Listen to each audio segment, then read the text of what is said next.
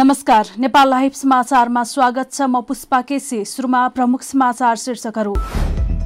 प्रधानमन्त्री ओलीले गरे मन्त्री परिषद विस्तार आफ्नैलाई अवसर दिनेमा थपिए बादल बादल पत्नी नैनकला संचार मन्त्री मानव तस्करीको मुद्दा सर्वोच्चमा विचाराधीन नारद मुनिले पनि पाए मन्त्री पद। गण्डकीमा मुख्यमन्त्री गुरुङले पाएनन् विश्वासको मत पक्षमा सत्ताइस र विपक्षमा तीस मत कंग्रेसका कृष्णचन्द्र नेपाली पोखरेललाई समर्थन गरी बहुमतको दावी गर्ने विपक्षी गठबन्धनको तयारी।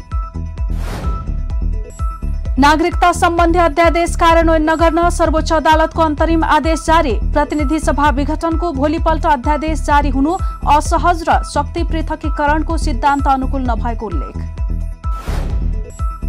रुसमा निर्वाचनको मुखैमा राष्ट्रपति भ्लादिमिर पुटिनका आलोचक अलेक्सी नभाल्नीको राजनीतिक संगठनमाथि प्रतिबन्ध।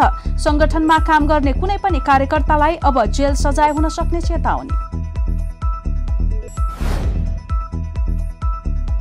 र कोरोना भाइरसका कारण स्थगित Pakistan super league T twenty क्रिकेटका बाँकी खेलहरू सुरु। इस्लामाबाद युनाइटेड विरुद्ध लाहोर क्वालान्दर्स पाँच विकेटले विजयी। अब समाचार विस्तारमा। प्रधानमन्त्री केपी शर्मा ओलीले मन्त्री परिषद विस्तार गरेका छन्। उनले बिहिबार सात मन्त्री र एक राज्य मन्त्री थप्दै मन्त्रीमण्डललाई पूर्णता दिएका हुन्। यससँगै ओलीको मन्त्रीमण्डल पच्चीस सदस्यीय पुगेको छ। संविधान अनुसार संघीय परिषदमा पच्चीस जना भन्दा बढ़ीको बनाउन पाइँदैन। अब नयाँ मन्त्री नियुक्त गर्नु परे पुराना मन्त्रीलाई हटाउनु पर्नेछ। प्रधानमन्त्री ओलीले रक्षा मन्त्रालय भने आफैसँग राखेका छन्। बिहिबार थपिएका मन्त्रीमा खगराज अधिकारी गणेश पहाडी नारद मुनि राणा राजकिशोर यादव मोहन बानिया नयनकला थापा थापा र ज्वालाकुमारी शाह रहेका छन्। अधिकारीलाई गृह पहाडीलाई संघीय मामिला तथा सामान्य प्रशासन राणालाई वन तथा वातावरण यादवलाई उद्योग वाणिज्य तथा आपूर्ति थापालाई संचार तथा सूचना प्रविधि र शाहलाई कृषि तथा पशुपक्षी विकास मन्त्रीको जिम्मेवारी दिइएको छ भने बानियालाई बिना विभागीय मन्त्री बनाइएको छ। उनलाई प्रधानमन्त्री तथा मन्त्री परिषद कार्यालयको जिम्मेवारी तोकिएको छ। यस्तै प्रधानमन्त्री ओलीले आशा कुमारी विकलाई वन तथा वातावरण राज्य मन्त्रीको जिम्मेवारी दिएका छन्। संचार मन्त्रीमा नियुक्त नयनकला थापा पूर्व गृह मन्त्री रामबहादुर थापा बादलकी पत्नी हुन्। ओली क्याबिनेटमा श्रीमान श्रीमती नै मन्त्रीको अवसर पाउने बादल जोडी तेस्रो हो। यसअघि रघुवीर महासेठ र जुली महतो शेरबहादुर तामाङ र उषाकला राईले जोडी नै मन्त्री बन्ने अवसर पाइसकेका छन्। जुली पदमुक्त भएपछि महासेठले अवसर पाएका हुन् भने तामाङ दम्पति दुवै मध्ये एक संघ र अर्को प्रदेश मन्त्री छन्। यस्तै ओलीले कूटनीतिक राहदानी दुरूपयोग गरी मानव तस्करी गरेको जस्तो गम्भीर अभियोग लागेका निवर्तमान सांसद नारद मुनि राणालाई पनि मन्त्री बनाएका छन् जबकि उनी विरुद्धको मुद्दा सर्वोच्च अदालतमा विचाराधीन अवस्थामै छ। राणालाई ओलीले वन तथा वातावरण मन्त्रीको जिम्मेवारी दिएका छन्। यसै गरी नेकपा माओवादी केन्द्र परित्याग गरी एमाले प्रवेश गरेकी ज्वालाकुमारी शाह संघीय सरकारको मन्त्री बनेकी छिन्। प्रदेश दुईकी प्रदेश सभा सदस्य समेत रहेकी ज्वाला फागुन तेइस गते सर्वोच्च अदालतको फैसलापछि एमाले प्रवेश गरेकी थिइन्। प्रभु शाह एमाले प्रवेश गरेपछि उनी निकट मानिने ज्वाला पनि एमाले प्रवेश गरेकी थिइन्। मन्त्री परिषद विस्तारमा ओलीले पूर्व माओवादी समूहलाई भागबण्डा गर्दा पूर्व गृहमन्त्री रामबहादुर थापा बादलकी पत्नी नयनकला थापा र ज्वालाकुमारी शाह मन्त्री बनाइएका हुन्। यस्तै एमालेको माधव कुमार नेपाल पक्षका नेता गणेश पहाड़ीलाई पनि प्रधानमन्त्री ओलीले मन्त्री बनाएका छन्।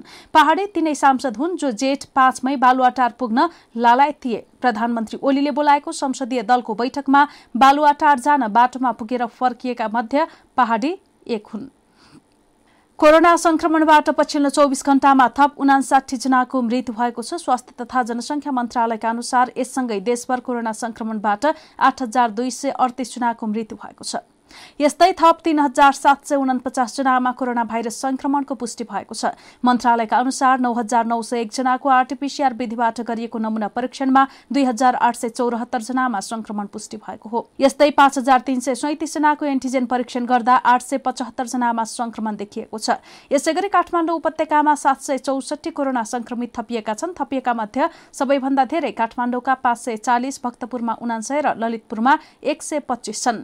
यस्तै देशभर पाँच हजार दुई सय त्रियानब्बे जना संक्रमित निको भएका छन्। नेपालमा संक्रमित निको हुने दर पचासी दशमलव सात प्रतिशत रहेको मन्त्रालयले जनाएको छ। नेपालमा हालसम्म पाँच लाख पन्ध्र हजार पाँच सय एकानब्बे जना संक्रमित निको भइसकेका छन्। गण्डकी प्रदेशका मुख्यमन्त्री पृथ्वी सुब्बा गुरुङले संसदमा विश्वासको मत गुमाएका छन्। संसदमा आज भएको मतदानमा उनको विपक्षमा तीस मत खस्यो बहुमत सिद्ध गर्न एकतीस मत प्राप्त गर्नुपर्ने गुरुङले सत्ताइस मत प्राप्त गरे। कंग्रेस माओवादी केन्द्र जनता समाजवादी र राष्ट्रिय जनमोर्चाको मत गुरुङको विपक्षमा परेको थियो। संसदमा जम्मा उपस्थित सांसद संख्या अन्ठाउन्न रहेको थियो। कुल जना प्रदेश सभाको मतदान प्रक्रियामा दुईजना उपस्थित भएनन्। प्रदेश सभामा उपस्थित भएका मध्ये एकजना सांसद कतै पनि मतदान नगरी तटस्थ बसे। मान्य सदस्यहरू गण्डकी प्रदेश सरकारका माननीय मुख्यमन्त्री श्री पृथ्वी सुब्बा गुरुङले आफूलाई प्रदेश सभाको विश्वास दियोस् भनी राख्नुभएको प्रस्तावको पक्षमा जम्मा सत्ताइस मत परेको र उक्त सङ्ख्या प्रदेश सभाको तत्काल कायम रहेको सम्पूर्ण सदस्य सङ्ख्याको बहुमत नभएकोले माननीय मुख्यमन्त्री श्री पृथ्वी सुब्बा गुरुङले आफूलाई प्रदेश सभाको विश्वास दियोस् भनी राख्नुभएको प्रस्ताव अस्वीकृत भएको घोषणा गर्दछु। मुख्यमन्त्री गुरुङ संविधानको धारा एक सय अडसठी तीन अनुसार ठूलो दलको आधारमा वैशाख उन्तिसमा मुख्यमन्त्री भएका थिए। एक महिनाभित्र विश्वासको मत लिनुपर्ने संवैधानिक प्रावधान अनुसार एक सय अडसठीको चार अनुसार उनले संसद फेस गरेका हुन्। गण्डकी प्रदेशमा अब संसदको कुनै एक सदस्यले बहुमत प्राप्त गर्न सक्ने आधारसहित प्रदेश प्रमुख समक्ष दावी गर्ने विकल्प बाँकी छ। विपक्षी गठबन्धनले कंग्रेस संसदीय दलका नेता कृष्णचन्द्र नेपाली पोखरेललाई समर्थन गरी बहुमतको दावी गर्ने तयारी गरेका छन्। नेकपा एमालेका नेता एवं उप प्रधानमन्त्री तथा अर्थमन्त्री विष्णु प्रसाद पौडेलले माधव कुमार नेपाल र झलनाथ खनाल समूह एकताको पक्षमा नरहेको बताएका छन्। उनले नेपाल खनाल समूहले पठाएको पत्र अत्यन्त गम्भीर प्रकृतिको रहेको बताए। एमाले अध्यक्ष तथा प्रधानमन्त्री केपी शर्मा ओलीले उदार र खुला विचारका साथ गरेको आह्वानलाई नेपाल खनाल समूहले अस्वीकार गर्नु भनेको उनीहरू पार्टी एकताको पक्षमा नरहेको बुझ्न बाध्य बनाएको पौडेलले बताए। पौडेलले पार्टीका आम कार्यकर्ता एकताको पक्षमा रहेको अवस्थामा नेपाल खनाल पक्ष कुनै पनि हालतमा विपक्षी दलको नेतालाई प्रधानमन्त्री बनाउन लाग्नु आफ्नो अडानबाट पछि हट्न नखोज्नु पार्टी एकताको लागि घातक भएको बताए। विपक्षी दलको नेतालाई प्रधानमन्त्रीमा नियुक्ति नियुक्त गरियोस् भन्ने आशयको जुन रिट निवेदन उहाँले सर्वोच्च अदालतमा प्रस्तुत गर्नुभएको छ त्यो प्रस्तावबाट समेत उहाँहरू पछाडि हट्न तयार हुनु भएन यसको अर्थ के हो भनेदेखि उहाँहरू पार्टी एकताको पक्षमा हुनुहुन्न भन्ने कुरा यसले देखाउँछ। आफ्नो पार्टीको अध्यक्षलाई प्रधानमन्त्रीबाट हटाएर विपक्षी दलको नेतालाई प्रधानमन्त्री बनाउने जुन उहाँहरूको चाहना छ जुन कोसिस छ त्यहाँबाट उहाँहरू पछाडि हट्न चाहनुहुन्न भन्ने कुरो यसले देखाएको छ। यो अत्यन्तै भेटी कुरा हो भन्ने मलाई लाग्छ। हामी पार्टी एकता आम कार्यकर्ताहरू जनताहरू पार्टीको एक पार्टी एकता चाहिरहेका छन्। समस्याहरूको समाधान होस् भन्ने चाहिरहेका छन्। तर के भनेदेखि कुनै पनि हालतमा कुनै पनि हालतमा शेरबहादुर नेपाली कङ्ग्रेसको नेतालाई विपक्षी दलको नेतालाई प्रधानमन्त्री बनाउने प्रस्तावबाट पछि हट्न सकिन्न भन्ने अडान उहाँहरूले प्रस्तुत गरिरहनु भएको छ। यो उहाँहरूको यो भूमिका पार्टी एकताका निमित्त अत्यन्त घातक छ अत्यन्त प्रतिकूल छ। यस्ता अर्का नेता गोकर्ण विष्टले सर्वोच्च अदालतले दिने जुनसुकै फैसलालाई स्वीकार गर्ने गरी सहमति र एकता बनाउन सकिने बताएका छन्। अदालत सम्मानित अदालतको फैसलालाई पार्टीले एकताबद्ध भएर चाहे पार्टी पुनर्स्थापित संसद पुनर्स्थापित भएको अवस्थामा चाहे विघटन सदर भएको अवस्थामा। दुवै अवस्थामा पार्टीलाई एकताबद्ध बनाएर लाने गरी दुवैको आत्मसम्मान जोगिने गरी। त्यो प्रकारले एउटा बिचको बिचको भाषा खोजौँ भन्ने पनि हाम्रो प्रयत्न छ। तर मैले जे निर्णय गरेँ त्यही निर्णय नै सही छ भन्ने बाध्यतामा चाहे पार्टी अध्यक्ष चाहे माधव नेपाल चाहे झलनाथ खनाल चाहे अरू चाहे हाम्रो तहमा हामी आफै पनि। उभिन थाल्यौँ र सामूहिक छलफलका आधारमा निष्कर्षमा पुग्ने संस्थागत छलफलका आधारमा निष्कर्षमा पुग्ने संस्थागत परिपाटीलाई आत्मसात गर्ने कुरालाई ठिक ढङ्गले बोक्न सकेनौँ भने फेरि पनि सार्थक निष्कर्ष आउन गाह्रो पर्दो रहेछ। विष्टले एमाले भित्र देखिएको व्यक्ति व्यक्ति बीचको टसल र अडानको कारणले पार्टीलाई नै समाप्त पार्ने दिशामा लैजान नदिन पार्टी एकता र कम्युनिस्ट आन्दोलन विरुद्ध भएका सबै निर्णय खारेज गरेर पनि एकताको ढोका खोल्न सकिने बताएका छन्। नागरिकता अध्यादेश कार्यान्वयन नगर्न सर्वोच्च अदालतले अन्तरिम आदेश जारी गरेको छ। प्रधान न्यायाधीश शोलेन्द्र शमशेर राणा सहितको संवैधानिक इजलासले अध्यादेश कार्यान्वयन तत्काल नगर्न अन्तरिम आदेश जारी गरेको हो। बिहिबार प्रधान न्यायाधीश सोलेन्द्र शमशेर राणा न्यायाधीशहरू दिपकुमार कार्की मीरा खड्का हरिकृष्ण कार्की र ईश्वर प्रसाद खतिवड़ाको इजलासले यस्तो आदेश दिएको हो। नागरिकता सम्बन्धी अध्यादेश प्रतिनिधि सभा विघटनको भोलिपल्ट जारी हुनुलाई संवैधानिक इजलासले असहज भनेको छ। त्यति मात्र होइन शक्ति पृथकीकरणको सिद्धान्त अनुकूल नभएको पनि बताएको छ। सरकारले अध्यादेश मार्फत नागरिकता ऐन सम्बन्धी अध्यादेश जारी गरेको थियो। प्रतिनिधि सभा विघटन गरेपछि जसपाको एक पक्षलाई सरकारमा ल्याउन अध्यादेश जारी गरिएको थियो। जस विरुद्ध सर्वोच्चमा मुद्दा दायर भएको थियो सर्वोच्चको संवैधानिक इजलासले अन्तरिम आदेश जारी गरेसँगै अध्यादेश रोकिने भएको छ। लुम्बिनी विकास कोषका लागि भन्दै खरिद गरिएका उन्नाइसवटा विद्युतीय गाडी पाँच महिनादेखि चौरमै थन्किएका छन्। दुई हजार सतहत्तर माघमा कोषका लागि भन्दै ल्याइएको पाँचवटा उन्नाइस सिट क्षमताका विद्युतीय बस र चौधवटा पाँच सिट क्षमताका भ्यान चौरमा थन्किएका हुन्। हालसम्म न ल्याउने कम्पनीले सरकारलाई हस्तान्तरण गर्न सकेको छ न सरकारले नै प्राविधिक रूपमा सवारी परीक्षण गरी लिन सकेको छ। चीनमा सवारी उत्पादन तथा बिक्री वितरणमा कहलिएको बियुआइडी कम्पनीका लागि विद्युतीय गाडीको एजेन्ट कम्पनी साइमेक्सले उक्त विद्युतीय सवारी गत माघमै नेपाल ल्याएको थियो। विद्युतीय सवारी आए पनि संस्कृति पर्यटन तथा नागरिक उड्डयन मन्त्रालयले प्राविधिक परीक्षण गरी सवारी ठिक भए नभएको बताएको छैन।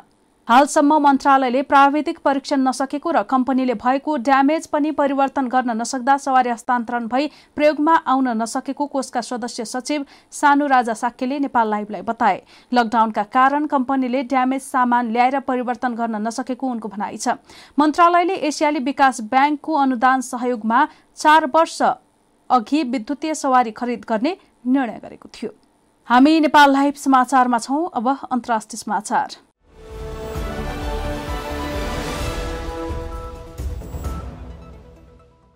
रुसको मस्को स्थित एक अदालतले निर्वाचनको मुखैमा राष्ट्रपति भ्लादिमिर पुटिनका आलोचक अलेक्सी नभाल्नीको राजनैतिक संगठनमाथि प्रतिबन्ध लगाएको छ। बुधबार जारी गरेको अदालतको आदेशमा नभाल्नीको क्षेत्रीय सञ्जाल कार्यालय र उनको भ्रष्टाचार विरोधी संस्थालाई प्रतिबन्ध लगाइएको उल्लेख छ। साथै उक्त संगठनलाई चरमपन्थी भएको बताएको छ। रुसमा आगामी सेप्टेम्बरमा संसदीय निर्वाचन हुँदैछ। निर्वाचनको मत सर्वेक्षणले सत्तारूढ दलले आफ्नो विश्वास गुमाइरहेको देखाएको छ। नभाल्नीका केही समर्थक निर्वाचनमा भाग लिने तयारीमा छन्। यद्यपि यो संगठनमा काम गर्ने कुनै पनि कार्यकर्तालाई अब जेल सजाय हुन सक्ने प्रवक्ता जाओ यारोफले जानकारी दिए। कोही व्यक्तिले नाभाल्नीको राजनीतिक सञ्जालको समर्थन गरे उनीहरूलाई सार्वजनिक पदका लागि पनि प्रतिबन्धित गर्ने उनले जानकारी दिए। यता नभाल्नीका वकिलले अदालतको यो आदेश विरुद्ध अपिल गर्ने बताएका छन् नभाल्नी अहिले जेलमा छन्।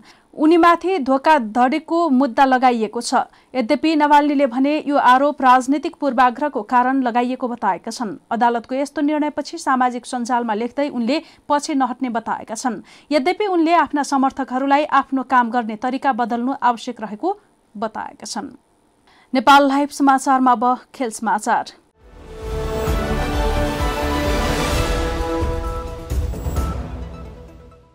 लामो समय स्थगित Pakistan super league T twenty क्रिकेटका बाँकी खेलहरू सुरु भएका छन्। कोरोना भाइरसका कारण स्थगित पिएसएलका बाँकी खेलहरू युएको आबुधाबीमा बुधबारबाट सुरु भएको हो। शेख जायद स्टेडियममा बुधबार राति भएको खेलमा लाहोर क्वालान्दर्सले इस्लामाबाद युनाइटेडलाई पाँच विकेटले हराएको छ। इस्लामाबादले दिएको एक सय चौवालिस रनको लक्ष्य लाहोरले बिस ओभरमा पाँच विकेट गुमाएर पूरा गर्यो। लाहोरको जितमा कप्तान सोहेल अख्तरले चालिस मोहम्मद हाफिजले उन्तिस र डाभिडले अभिजित तेइस रन बनाए। यस्तै राशिद खान पन्ध्र रनमा अभिजित रहे इस्लामाबादका हसन अलीले दुई विकेट लिए। यसअघि ब्याटिङ गरेको इस्लामाबादले बीस ओभरमा नौ विकेट गुमाएर एक सय त्रिचालिस रन बनाएको थियो। इस्लामाबादका फाहिम आश्रफले सर्वाधिक सत्ताइस रन बनाए यस्तै उस्मान ख्वाजाले अठार हुसेन टलट र हसन अलीले चौध चौध रन बनाए। लाहोरका जेम्स फुल्कनेरले तीन अहमेद ड्यानियल र हरिस राउफले दुई दुई विकेट लिए। यस जितसँगै लाहोरले पाँच खेलमा आठ अङ्क जोडेको छ लाहोर शीर्ष स्थानमा उक्लिएको छ। इस्लामाबाद छ अङ्क जोड्दै चौथो स्थानमा छ। नेपाल लाइभ समाचार सकिएको छ। समाचारको अन्त्यमा प्रमुख समाचारका शीर्षकहरू फेरि एकपटक प्रधानमन्त्री ओलीले गरे मन्त्री परिषद विस्तार आफ्नैलाई अवसर दिनेमा थपिए बादल। बादल पत्नी नैनकला संचार मन्त्री मानव तस्करीको मुद्दा सर्वोच्चमा विचाराधीन नारद मुनिले पनि पाए मन्त्री पद। गण्डकीमा मुख्यमन्त्री गुरुङले पाएनन् विश्वासको मत पक्षमा सत्ताइस र विपक्षमा तीस मत। कङ्ग्रेसका कृष्णचन्द्र नेपाली पोखरेललाई समर्थन गरी बहुमतको दावी गर्ने विपक्षी गठबन्धनको तयारी। नागरिकता सम्बन्धी अध्यादेश कार्यान्वयन नगर्न सर्वोच्च अदालतको अन्तरिम आदेश जारी। प्रतिनिधि सभा विघटनको भोलिपल्ट अध्यादेश जारी हुनु असहज र शक्ति पृथकीकरणको सिद्धान्त अनुकूल नभएको उल्लेख। रुसमा निर्वाचनको मुखैमा राष्ट्रपति भ्लादिमिर पुटिनका आलोचक अलेक्सी नभाल्नीको राजनीतिक संगठनमाथि प्रतिबन्ध। संगठनमा काम गर्ने कुनै पनि कार्यकर्तालाई अब जेल सजाय हुन सक्ने चेतावनी। र कोरोना भाइरसका कारण स्थगित Pakistan super league T twenty क्रिकेटका बाँकी खेलहरू सुरु।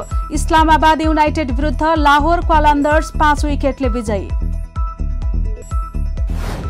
नेपाल लाइभ समाचार आज यति नै। यसपछि नेपाल लाइभमा सर्टकट खबर हेर्न सक्नुहुनेछ। यस्ता हाम्रा अन्य कार्यक्रम Nepal लाइभको Facebook page YouTube channel Twitter र हाम्रो वेबसाइट नेपाल लाइभ डट कममा पढ्न र हेर्न सक्नुहुनेछ। नमस्कार।